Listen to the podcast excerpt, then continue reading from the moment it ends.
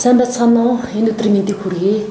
2023 оны 3 дугаар сар бол тэр тусмаа одоо бизнес подкастын сэдв бол хүний нөөцөөр амьсгалж байгаа. За тэгэхээр хүний нөөцийн талаарх одоо ярилцлага маань хамгийн сүүлийн 7 хоногийн ярилцлагаар эхлэх бэлэн болсон байна. За энэ удаагийн ярилцлаганд Digital Box компани бизнес хөгжил хариуцсан Сахирал Ганбаатар өргөдөө оролцсон байна. Энэ өдрийн мэндийг хүргэе. За өдрийн мэнд хүргэе. Засгийн хөтлөгчөөр миний бие Бүрүжийн гандлуур Ганабел институтын үүсгэн байгуулагч хөтлж байна. За ингээд яриагаа эхлэе. За тэгээд өөрийн чинь одоо вебинар дээр ярих сэдв бол ижаал HR гэдэг юм аюу хот сэдв байгаа да тий. Тэгэхээр одоо энэ хоёр ийм чухал нийлдсэн ижаал HR гэдэг энэ сэдвээр ярих чинь. Тэгэхээр хоёлаа эхлээд ижаал гэдэг үгний талаар ярилцъя. Бид нар өмнөх 7 хоног дээр бас ижаалын тухай ярьсан. Гэхдээ өөрийн чинь харж байгаа үндсэг их сонирхолтой байж магадгүй. Тэгэхээр ижаал HR тийм одоо холбоос нь хаана байгаа талаар яриа эхлэе. За юуны өмнө орж оролцуулсанд баярлалаа. А ижаал гэдэг үг болохоор төслийн менежментийн нэг шинэ хандлага гэж ойлгоод. Тэгэхээр төслийг хийх хоёр янзын хандлага одоо нийтлэг байгаа. Нэг нь бол уламжлалт гэж одоо нэр зүүчихэд аа. А нөгөөх нь бол ижаал гэдэг нэртэй. Тэгэхээр баруунд ингээд ер нь аливаа ажлыг төсөл гэж үздэг юм. Ямар нэгэн ажлыг. Тэр төслийг яаж хийх үү гэдэг онол зүүн ингээд хөгжсөн. Тэгээ энэ ингэж хөгжиж явж байгаад зарим төслийн хувьд энэ маневрлах сэтгэлгээ хурдтай зохион байгуулалтаа өөрчлөх боломжтой байх ёстой. Ийм шаардлагууд тулгараад. Тэгээд ижаал гэдэг нэртэй ийм нэлээ олон жил судлагдсан судлагдсан юм билээ л дээ. Тэгээ ижаал гэдэг ойлголт ерөөхдөө төслийн менежментийн арга Тэгэхээр тухайн төслийг яаж үр дүнтэй дуусгах уу? Яаж үр дүн гаргах уу гэдэг дээр төслийн багийн зохион байгуулалтаас өсвүүлээд багийн гишүүний яг хандлага сэтгэлгээ одоо ажлаа яаж хэмжих үү? Ажлаа яаж бие биендээ оноох уу? Ажлыг яаж үр дүнтэй дуусгах уу? Тэгээд өмнөх яваад өнгөрсөн ажилласаа яаж суралцаж дараа нь илүү сайн ажиллах уу? Бүтээмжтэй ажиллах уу? Бүтээмжийг яавал нэмэгдүүлэх юм гэдгийг судалдаг юм тогтолцоогоо дотроо шингээсэн ийм цогц ойлголт. За. Тэгээ нэг талаас нь харах юм бол бүтэц юм шиг. Дахиад харах юм бол зүгээр сэтгэлгээч юм шиг. Дахиад харах юм бол төслийн менежментийн зүгээр аргачлал юм шиг. Ийм ойлголт. Тэгээ ижаалыг ерөөхдөө товчлоод ярихаар сэтгэлгээ гэдэг. Ер нь бол ижаалыг ойлгосон хүмүүс тэр ижаал төслийг аваад явж байгаа учраас ижаал майндсет гэдэг ойлголтыг айгүйх ярьдаг юм л. Тэгэхээр ижаал гэдэг үгнийх нь яг товчлсон би зүгээр орчуулахдаа бол шалмаг гэж ойлгоод байгаа. Шалман гэж юу хэлж байгаа гэхээр ер нь ингээд нөгөө юм болгон ховсон өөрчлөгдөж идэг гэдэг нэг үг байдаг шин. Төсөл яг адилхан. А цэгээс ингээд сарын өмнө хэлсэн төсөл Б цэгт ингээд явж явах үед нөхцөл байдал хөдөлчдөг, өөр болчдөг. Гинт ковид гарчдаг ч юм уу те. Одоо яадгийн гинт хөдөлмөрийн хууль өөрчлөгдчихдөг. Одоо юу ч болно те. Тэгэхээр тэр нөхцөл байдлуудыг ойлгоод тэрэнд дасан зохицож тэрэнд зохицож ажиллах тухай ойлголт. Тэгэхээр нөхцөл байдал өөрөө үргэлж өөрчлөгдөж идэг. Тэгээд энийг дагаад ийм сэтгэлгээний хувьд төслийг харах өнцөг өөр болоод ингээд хөгжөө явцсан ийм ойлголт юм бэл. Тэгээд энэ ойлголт өөрөө яг хүний нөөц гэдэг энэ менежментийн ухаанлал ингэж орж ирээд энэ юмыг өөрчлөөд байгаа. Тэгээ энэ сэдв өөрөө ижаал ичаар гэдэг нэртэй болчиход.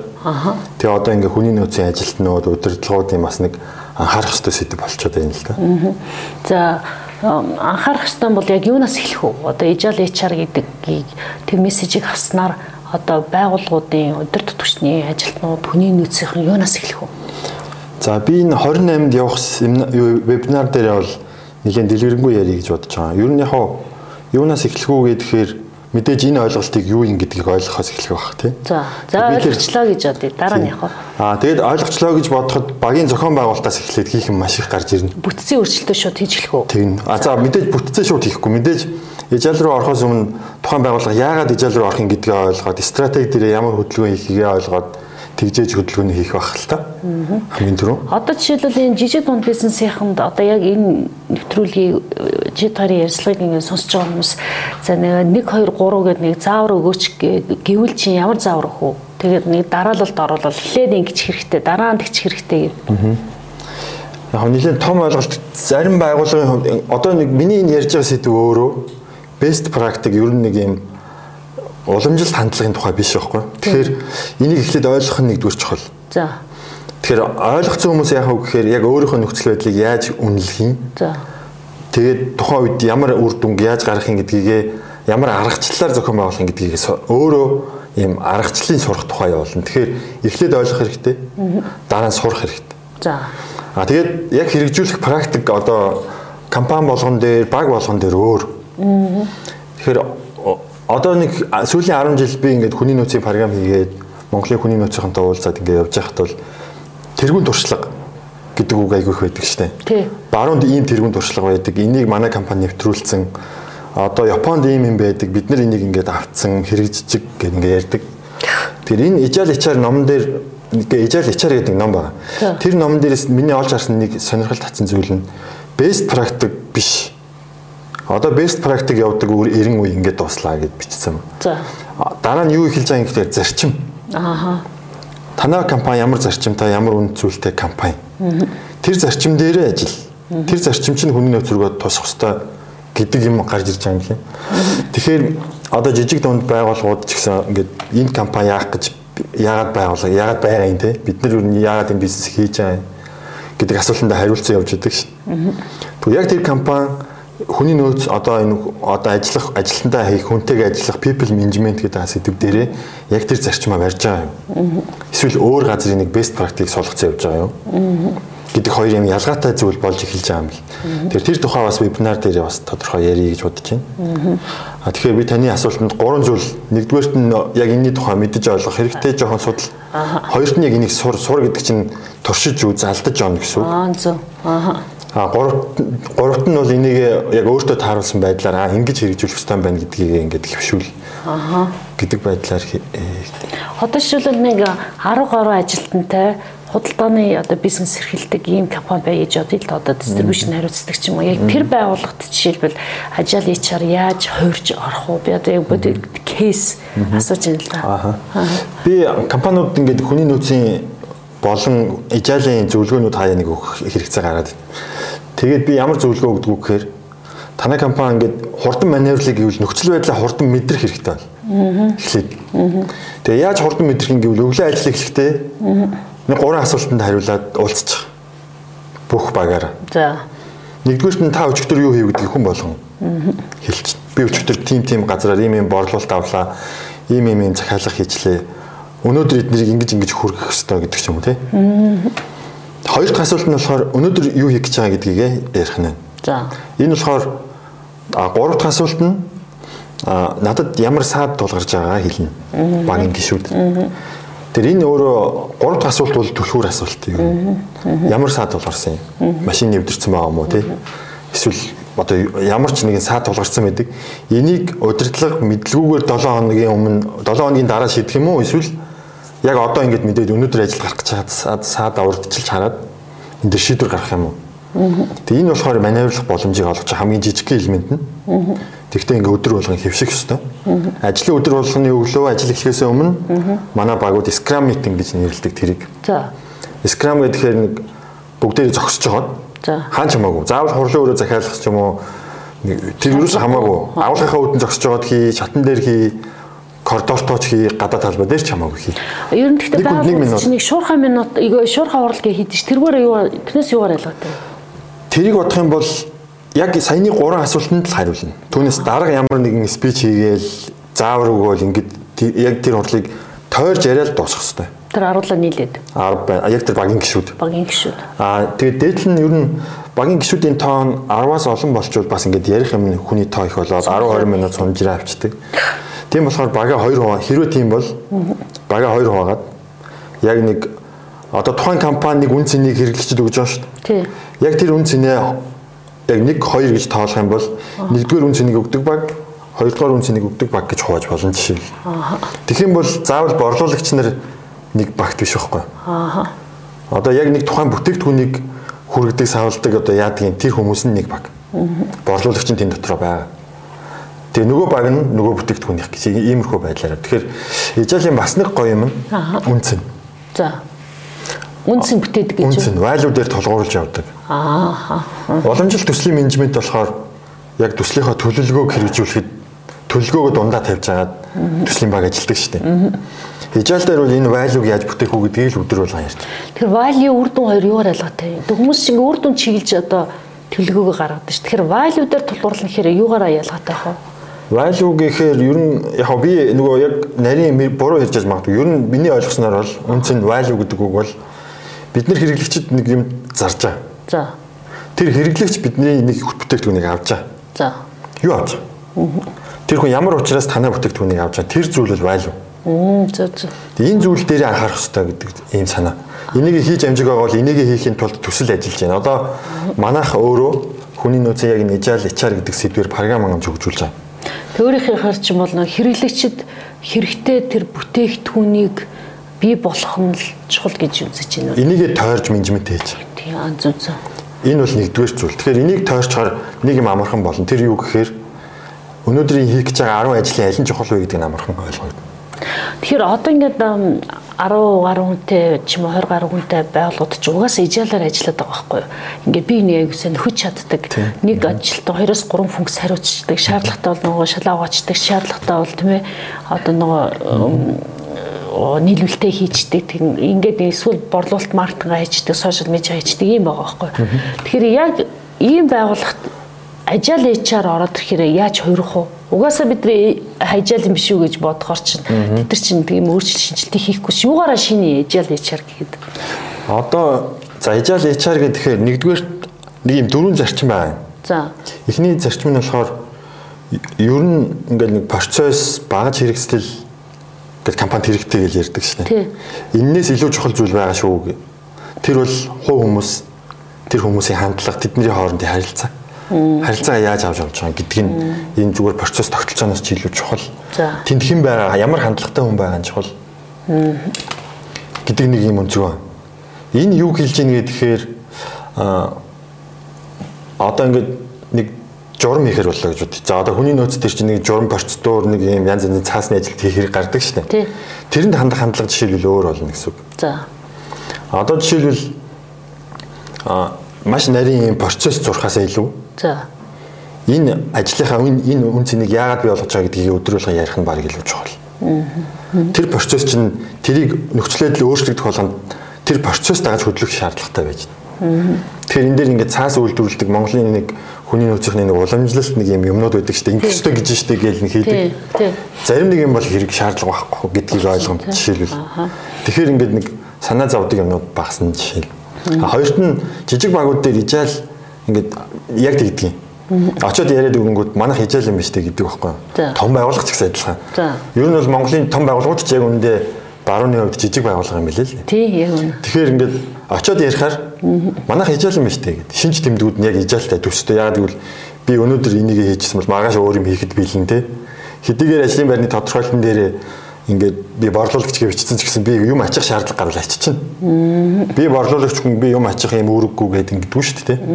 Тэр энийг ингээ харахаар ижаал юм шиг. За. Аа тэгээд тодорхой хугацааны үе шаттай үр дүнгээ хэмжиж гин үү? Тэр бүтээмж чинь өнгөрсөн 10 хоногоос танаа энэ 10 хоногийн бүтээмж яаж өссөн, хэмжилсэн үү? Хэдэн хувь өссөн, юу нөлөөлсөн? Ингээд их юм бол мэдэх болчих. Тэр ижаал дээр бол яг энийг өгч. Тодорхой юм хугацааны интервалтайгаар ажиллаа эргэж дүгнээд өнгөрсөн хугацааны интервалд хийсэн ажлаас бид нэр сая арга барилаа ингээ өөрчилсөн чинь бүтээмж ингээ нэмэгдчихлээ. А ийм алдаа гарлаа. Гэтэ эн чинь нөө Blanco card гэх тийм одоо шийдлэх юм уу төлс урд нь хэрэгжил явж ирсэн шүү дээ. Юугаар ялгаатай нээж ажиллаж байна. Balance card-ыг үүсгэв л дээ. Аа. Balance card бол ерөнхийдөө зохион байгуулалт нэг тэнцвэртэй удирдах тухай юм байлээ л дээ, тийм. Аа. А ижаал ичаар болохоор нөгөө үр дүнгийн хэмжээ авчдаг байхгүй. Тий. Одоо энэ хэмждэг KPI янз бүрийн аргуудтай ижаал бол ер нь хоршоод явна. Аа.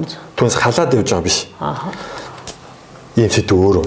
А төслийн менежментийн удирдлага гэхээр тодорхой юм төсөл чинь нэг А-гаас Б-ийг дуусгах хэвээр. Тэгээ нэг зорилго биелүүлэх хэвээр шүү дээ. Тэгээ энэ зорилгыг яаж зохион байгуулалтанд хийх вэ гэж. Зорилгыг хугацааныхаа эхэнд хийх боломжтой. Заавал төсөл дуусны дараа биш. Тэгэхээр тэр нэг том цогц зорилгын хамгийн чухал юм ин гаргаж ирээд энийг хамгийн ихнийхээ хугацаанд дээр хийлээ гэдэг юм санаа байхгүй. Зүг зүг. Тэгэхээр ингээд ерөнхийдөө бизнес хийж байгаа хүмүүс ажиллаж байгаа хүмүүс юу яах гэж ажиллаад байгаа юм бэ? Нэг ажлынхаа утга учирыг ойлгох гэдэг юмыг яг энэ хичээлэг орлоод ирэхээр багийн гişүүдэд илүү тодорхой болоод ирнэ. За. зарим хүнийг юун дотор орсноо мэдэхгүй ингээд өдөр тутмын ажил нь дуустгүй шүү дээ ингээд яваал. тий. Тэгэд нэг циклд орчлоо гэж зарим тэгжлээ. Зарим би ингээд ажилдаа дургүй байна гэд. Ажлынхаа утга учирыг ойлгохгүй ингээд захирлууд нь тэрийг яаж ойлгуулах уу гээл те. Ижаал орлоод ирэхэд тэр яг ингээд мэдрэгдээд явдаг багийн бүх гишүүнд. Энэ багч нь ингэж амьд идээс биш те гэдгийг мэдрэгдээд явдаг. Зүг. А мөн бас нэг нууц. За. баг дотор байгаа бүтээмжгүй хүн энэ дотор цааш нь үргэлжлүүлэх боломжгүй болж эхэлдэг. Тэр нь яаж илэртэй? Өдөр болгон одоо би түрүүн хэлсэн өдөр болгон юу хийснэгээ яриад явдаг. Аа тий. Өдөр болгон би өчигдөр би өнөөдөр ийм хийнэ гэдгээ багийнхныхаа өмнө амлчаад За. Маргааш нь хийж чадаагүй явж ивэл за нэг удаа окей, хоёр удаа окей, гурван удаа окей тий. 6 7 8 гэдэг ингэж ивэл яах вэ? Тэр хүн өөрөө за би явъя болно гэдэг тий. Тэгээ тэр одоо ингээд өглөөдөө хуралдах хурлын одоо хугацаа нь ямар хугацаатай хав? Нэг хүнд 1 минут л гээд ерөөхдөө хүмүүс яриад таа. Аа за. А жоохон комплекс хийдэг бол 2 минут. Аа зүг. зүг. Энэ баг репорт юм их юм биш үү? Тэгэхээр нөгөө 1 минут гэчихээр хүмүүс юу ярихыгаа бас ингээд нэг жоохон бодцоод 1 минутанда багтаадаг болчтой юм л. Тийм байна. Нэг товчхон гол юм ярьдаг сурах юм биш үү? Аа одоо саний дээр ярьжсэн одоо ер нь ихэнх одоо байгууллагууд гэж байна шүү дээ 7 хоногт нэг хурлаа ингээ хийчээд тэгээд бусад 7 хоногт ийм юм амжуулна гэд. Тэгээд ажлаа хуваарлаад ангуут нь бусад өдрүүдэд өөрөө эрх чөлөөтэйгээр ажиллаж байгаа байхгүй. А гэтэл ингээд ижаал HR дээр өглөө болгон 1 1 минут гэж нэг 10-аас 15 минут болох гэдэг шүү дээ. Тэгээд ирэхээр нөө микро менежмент болоод хуурчих юм биш үстэй гэдэг боломжлого байхгүй. Одоо чи юу гэж яаж ийн гэж ингэж бүх юм дээр детальны одоо анхаарч тэр хүнд өөрийнхаараа байх тэ өөрөө эрхчлөөтэйгээр асуудлаа шийдэх тэр боломж нь хомид ам үс гэдэг ийм бодод бодогдод байна. Яг нэг талаараа баг тийм байж магадгүй. Гэхдээ үгүй. За. Ягаад тийм байж магадгүй ч үгүй гэдгийг ч үг гэхээр Тим энд нөө тим энд үгүй гэдэг шиг. микро менежмент чинь ингээд яг ингээд хүнийг ажиллаа хийлгэхдээ саад болоод инг тэг гэдэг тухай. Тэгээд ингээд залуурдаад идэг те өөрөө бодох боломж нөхөхгүйгээр гэдэг штеп. Би буруу ойлгоогүй бах те. Зөв. Аа тэгвэл өглөө ганцхан удаа л уулзчаа. За. Өчигдөр юу хийсэн, яасан? Нөгөө багийг удирдах байгаа хүмүүс, чиглүүлж байгаа захирлууд хаашаа явж байгааг ер нь ойлгож байгаа хүмүүс байгаа шүү дээ. Тэр хүмүүс нөгөө хүмүүс дотор далицсан явж байгаа хүн байна уу гэдгийг харч чаа тэгээ болоо. За тэгвэл тэрийг туршиж үзэх туршиж үзэхээр юм сонирхолтой. Тэгээ нэг амьдрал дээр нэг ажлууд өрнөж байгаа мэдэгдээд хин нь нуугдаа суугаад байгаа мэдэгдээд гэл. Тий. Тэгэхээр одоо яг э, одоо бизнесүүд яг нэвтрүүлгийг үзэж байгаа хүмүүс бас энэ саний энэ аргыг туршаад үзэх хэрэгтэй юм Энэ маш амархан. Хүн болгоо 1 минут өгөн. Гэхдээ ер нь нэг ба- баг бол тэр хилцэж ч юм газар дотор нэг 10 дотор байвал их зүгээр тий. Тий. Тэгэл нэг 10 минутын дотор шуурхаа хурал хийгээл заавал суугаал тухлаад ах шаардлагагүй. Юм Зогсчоод. бүр. Энэ бол тэгэл ажил хийж хэрэгжиж байгаагийн нэг элемент гэх. Нэг жижигхэн шинж тэмдэг. шинж тэмдэг юм Энэ байна. нэлээд том ойлголт л тоо. Одоо ингэнийг хийчихэнгүүт ижил болчихгүй л дээ. Тий. Гэхдээ энийг хийчих юм бол бас та бүхэнд ижил гэдэг байгаа юмны бас нэг тодорхой хэсэг юм ороод ирнэ. За тэгвэл одоо тодорхой хэсэг гэх юм бол за нэгдүгээр энийг хийчих юм байна. Өшөө нэг хоёр зөвлөгөө өгөөч гэдэг одоо бизнесийн энийг үзэж байгаа хүмүүс ингээд одоо тэд нар чинь цагаа зарцуулаад чи хоёрын одоо ярьслаа үзэж байгаа шүү дээ тий. Амьдрал дээр бас нэг гурван юм хэрэгжүүлчихье гэж бодож байгаа. За нэг нь юм байна. Нөгөө хоёр нь юу хийж болох вэ? Ижаал HR-ыг бариу хэрэгжүүлээ. Одоо би анх ингээд компанид MCS Group-д ажилд орчихсон. Намайг анх ажилд ороход ажилд орсон өдөр надад нэг юм том журам уншуулсан байхгүй. Аа. Ийм цуцаа. Аа. Ингээ ширээн дээр тавьчих. Тэгээд бүтэн өдөр тэрийг уншихэд өгөх. Тэгээд маргааш хурааж авч хэлв. За. Тэгээд би ингээд ингээл үзчихсэн. Хүү ямар их урт урт журам юу би Толгой би их. энэ дотор юу ч ойлгоогүй. Одоо над дотор тэн дотор юу байсан гин мэдээлэл аюулгүй байдлын журам гэдэг журмын нэрэл санаанд бол бусдын юу санахгүй. Би яг бол IT-ийн учраас мэдээлэл аюулгүй байдал гэдэг үг надад илүү сонирхолтой.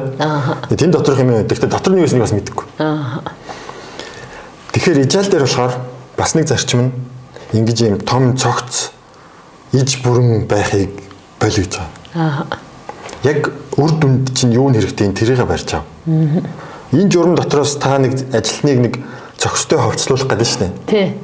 Эсвэл нэг хүнтэй аятайхан эвтэйхэн харьцах гэдэг нь шүү дээ. Тий. Тэр хоёроо хоёр үгээр бичээд хан дээр хатчих гэж байгаа. Аа. Энэ бол баг надад би бол тэр хан дээр нэгээд 10 жил хэрэг харсан бол тэр хоёр үг нь хэлнэ шүү дээ. За.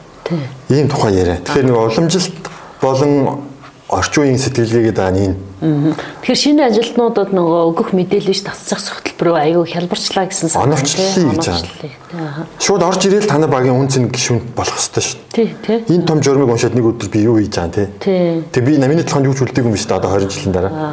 Ийм юмнуудаас л ингээд чөлөөлгөөр хүмүүсийн бүтээмж нэмэгддэг тухай. За болж За байна. нэг жишээ. За 3 дахь одоо За, хоёр зүйл хамгийн дээ. Одоо 3 дахь зүйл. Гурав дахь нь хамгийн нь. За. Одоо би би гэхдээ ерөнхийдөө ижаал HR гэхээсээ илүү зөвхөн яг ижаал гэдгээ яриад байгаа шүү. За.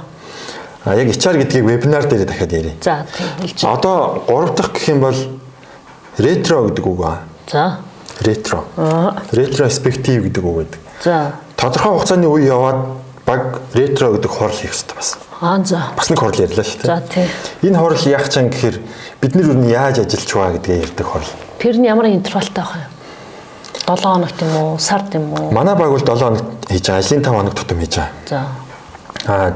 Аа яг энэ онл ном дээр бол 14 хоногт нэг дээдлэн. Тэгээд багийн өөрийнхөө ритмдээ тааруулаад нөгөө 7 хоногт чинь програмынхан бол нилээх юм хий чинь. За. Тийм болохоор би 7 хоногт л хангалттай юм байна. Тэгэхгүй бол 14 онцоор өмнө нь юу явсныг нам мартаад эхэлж байгаа. Зүг зүг. Аа тэгдэггүй ажлууд ах юм бол 14-т болно. Тэгээд энэ хурал гол юм нь бид нар яаж ажиллаж шүү гэдгээ ярьдаг. За. Юу хийснээ ярихгүй. Ингээ зохион байгуулалт, яавал бүтээмж нэмэгдэх тухай, хинэн гавьяа байгуулсан тухай, хинэн гай болсон тухай ярина. Тэгээ яагаад гэдгийг хайна, шинжилгээ хийж байгаа хурал, эргэж харж байгаа хурал. Тэр Unity-лийн тууцын даргын нэг лекцэнд би сууж исэн байхгүй те. Тэрэн дээр ингээ нөө процесс зураглал эдэр ингээ өөе өнгөрцөн. Тэрэнд ингээ чинь дулдуудахгүй шурха шурха шийдээд ийм чиг хандлага явж байгаа гэсэн тэрлээ нь л Ган бол чи яг энэ сэдвэр бас их ярьдаг хүн. Тийм билээ. Тийм. Тэгэхээр гурав дахь зөвлөгөө бол ийм хурлыг хийдэг болчих. За тий. 2 цаг. Тэр аюу энгийн гоё гурван зүлэмж биш шууд бараг хэрэгжүүлэх хэрэгтэй. За тэгээд өөрийн чинь хувьд бол нөгөө Green ERP-г хэрэгжүүлэх тэр багийг удирдах явж исэн 200 гаруй байгууллагуудад хэрэгжүүлээ явж байгаа юм байна. Тэгэхээр ихэнх нь дандаа нөгөө үндэсний хэмжээний эсвэл томоохон компаниудаар хэрэгжиж байгаа шүү дээ. Гэтэл Монголд бол бараг аж ахуй эрхэлж байгаа бизнесүүдийн 90% нь жижиг дунд байгаа шүү дээ. Тэгэхээр жижиг дундынханд тэр асуудлыг шийдэхин тулд тэ үр бүтээмжтэй ажиллахын тулд ямар шийдэл танах өсөр нь бодож байгаа вэ? Тэрийг ер нь шийдсэн үү? Тэрийг судалгаагаар яаж гаргав? Тэгээ би одоо энэ хүний нөөцийн сэдвээр сүүлийн 10 жил ингээд судлаад уг нь програмын мэрэгжилтэй хүн. Гэхдээ ээ. ингээд хүний нөөцийн програм хийж байгаа болохоор тэрийг хүний нөөцөөс нь илүү судлахгүй бол болохгүй болчиход. Тэгээд энийг ингээд судлаад нэлээд яваал. Тэгээд том томоохон байгууллагуудын хүний нөөцийнхнээс энэ ижаал ичаар гэдэг сэдв гараад ирчээ. Энийг чи ижаалын ярьдаг юм чинь энэ ижаал ичаар гэдэг сэдвийг нэг судлаад биднэрт яриад өгөөч гэдэг хүсэлтүүд ирдэг гэсэн. Тэгээд сая ковидын үеэр энэ ижаал ичаар гэдэг яг энэ ном гараад Тий. 20 онд. Тэгээ энэ энэ номыг уншаад дараа нь ер нь ингээд жижиг байгууллагуудад ч гэсэн хэрэгтэй байна гэд. Манай баг ингээд хөрөнгө оруулагчтайгаа ярилцж байгаа нэг бүтээгдэхүүн хийж эхэлсэн өнгөрсөн жил. За. Тэрийг болохоор Diva Imen гэд W-гаар бичдэг. Diva Imen. Энэ систем яах чаан гэхээр хүний нөөцийн програм жижиг дундад зориулсан. А дотроо бол үндсэндээ хүний нөөцийн системтэй. Та ажилчтай бүртгэгчих, цалингаа бүртгэгчих, тухайн хүний ажил эрхлэлт юу болж ирснийг товчхон бүртэг. Тэгээ цалингаа бод. Тэгээ яг энэ хэсгийг бид нэр үнгөө өгсөн байна. За. Зах зээл дээр үнгөө санал болгож. Тэгээ та бүхэн хүсэх юм бол Imen гэж ороод манай систем бүртгүүлээ ашиглаж болно. А бидний бас нэг хийж хийж байгаа одоо та- энэ жил нэвтрүүлэх гээд зорж байгаа зүйл болохоор энэ систем дотроо чаттай За. тэгээ workspaceтэй болох гэж байна. Аа, зөв. Энийг бас өнгөө гаргана. Тэгэхээр энэ яг чам гэхээр нөгөө өглөөний уулзалтууд нөгөө товчхон мэдээлэл солилцдог зүйлүүд байгууллага дотор хурдтай мэдээлэл түгээх шаардлагатай зүйлүүд энэ яг хүний нөөцийн програмд ирээ бас Энэ байв. апп байгаа юу? Зөв вебсайт дээр. Веб дээр байгаа. Юу чата гаргахтаа аппад дагуулж гаргана. Аа, зөв зөв. Тэгэхээр ийм систем байгаа. Тэгээ бид нар энийг жижиг дундуудад зориулаад үнгөө нөгөө премиум гэдэг бизнес модель. Тэр яхаа гэхээр Тийм, хэрэглэгч тодорхой хэсгийг нь бол үнгөө ашиглаад явчихна. Шаардлагатай бол өөрийнхөө бүтээмжийг нэмэгдүүлэх хэрэгслүүдийг дотроос нь худалдаж авах боломжтой. Ер нь сүүлийн үеийн технологийн бүтээгдэхүүнүүд дандаа премиум модель дээр яваад байгаа шүү дээ. Тэг яг тэр модель дээр явах юм байна. За одоо энэ 3 сарын 28-нд 19 цагаас бизнес вебинар болох гэж байгаа. Энэ вебинар дээр өөрөө яг яг энэ сэдвээр дэлгэрүүлж ярина шүү дээ. А тэгэхээр яг одоо бид хоёрын ярьцлагыг үзэж байгаа хүмүүс 28-ны тэр лекцэнд суух уу, яах уу гэдэг асуулт гарч ирж байгаа. Одоо хүмүүсийн хувьд бол цаг хугацаа аягүй үнцэнтэй болцсон шүү дээ. Би нэг цагийг. Тэ одоо үр бүтээлтэй зарцуулчмаар байна. Энэ одоо вебинарыг үзснээр надад ямар ашигтай юм бол гэдэг нөө бизнесийн яаж ярих бодож байгаа шүү дээ. Тэгэхээр тэр хүмүүсийг хэрэгтэй гэдгийг одоо батлахын тулд гэдэг чинь 3 point хэлээч. Одоо ингээд бизнесүүд хийхэд нэг юм нөхцөл байдлаа судалдаг шүү дээ. Тийм. Тэгээ нөхцөл байдал судлахад нэг юм хэдэн хэсгүүд яа пэсл анализ центр гэж хийдэг шүү дээ. Одоо сургуулиуд дээр шүү дээ. Тэрний нэг нь ингээд технологийн орчныг судлах хэрэгцээ байдаг тийм. Одоо технологийн ертөнц бол дэлхий дээр ингээд хамгийн том хүчтэй хувьсж байгаа фактор. Энэтэй марга хүн байхгүй хаа гэж бодож. За. Одоо өчигдөрхөн жишээлбэл Microsoft компаниас Copilot гэх бүтээгдэхүүн ингээд танилцуулсан тухай манай баг дотор ингээд хурал хийсэн. За. Энийг яаж бүтээгдэхүүн дотор шингээх вэ? Энэ бол бид нэр хэдэн сарын өмнө мэдэхгүй юм гарч ирхийг мэдэхгүй. Энэ ямар бүтээгдэхүүн байна гэдгээр бидний ашигладаг Word, Excel, Outlook энэ дотор ухаалаг туслах бий болж байгаа юм. Энэ туслахыг бид нэр програм дээр бас хийх оруулж ирэх боломж нэгдэж байна. За. Тэгэхээр би юу хэлэх гээд байна гэхээр одоо энэ 28-ны сургалтын дээр ер нь ингээд нөхцөл байдал маш хурдтай ингээд хөдлөн улам л тийм болж байгаа. Тийм бүр илүү хурдтай. Тэгэхээр энэ энэ дотор чи яаж зохицож ажиллах юм бэ гэдэг аргыг л би ярь. За. Тийм болохоор тэрийг сонирхож байвал 28-нд сонирхоорой. Зохицож чадахгүй л тэгэл бизнес нь эсвэл одоо бүтээгдэхүүн гоцрогдол эхлэх зү өрсөлдөх чадвар буурал эхэлнэ шүү дээ. Аа. Тэгэхээр аягүй хот одоо чул сэдвэр 3 сарын 28-ны лекцээр ярих гэж байна. Тэгэхээр бизнес эрхлэгчид, удирдагчид, хүний нөөцийнхэн 3 сарын 28-ны 19 цагийн одоо вебинарыг анхаарлаа хандуулж үзээрэй гэж урьж байна. За ингээд өнөөдрийн бизнес подкаст нэвтрүүлэгт Digital Books-ийн компани бизнес хөгжил хариуцсан Сахирал Ганбаатар оролцлоо. Тэгээд вебинар дээр ч гэсэн би сууя гэж бодлоо. Тэгээд ажлын амжилт төсөй төсөй ядуу хүлээж байна. За баярлалаа. Агуу бизнесүүд агуу хүмүүсийн гараар биш, агуу ажил хийдэг эгэл жирийн хүмүүсийн гараар бүтээгдсэн байдаг. Майкл Гербер, эд хөргөдөл эргэн ирсэн нь номын хэсгээс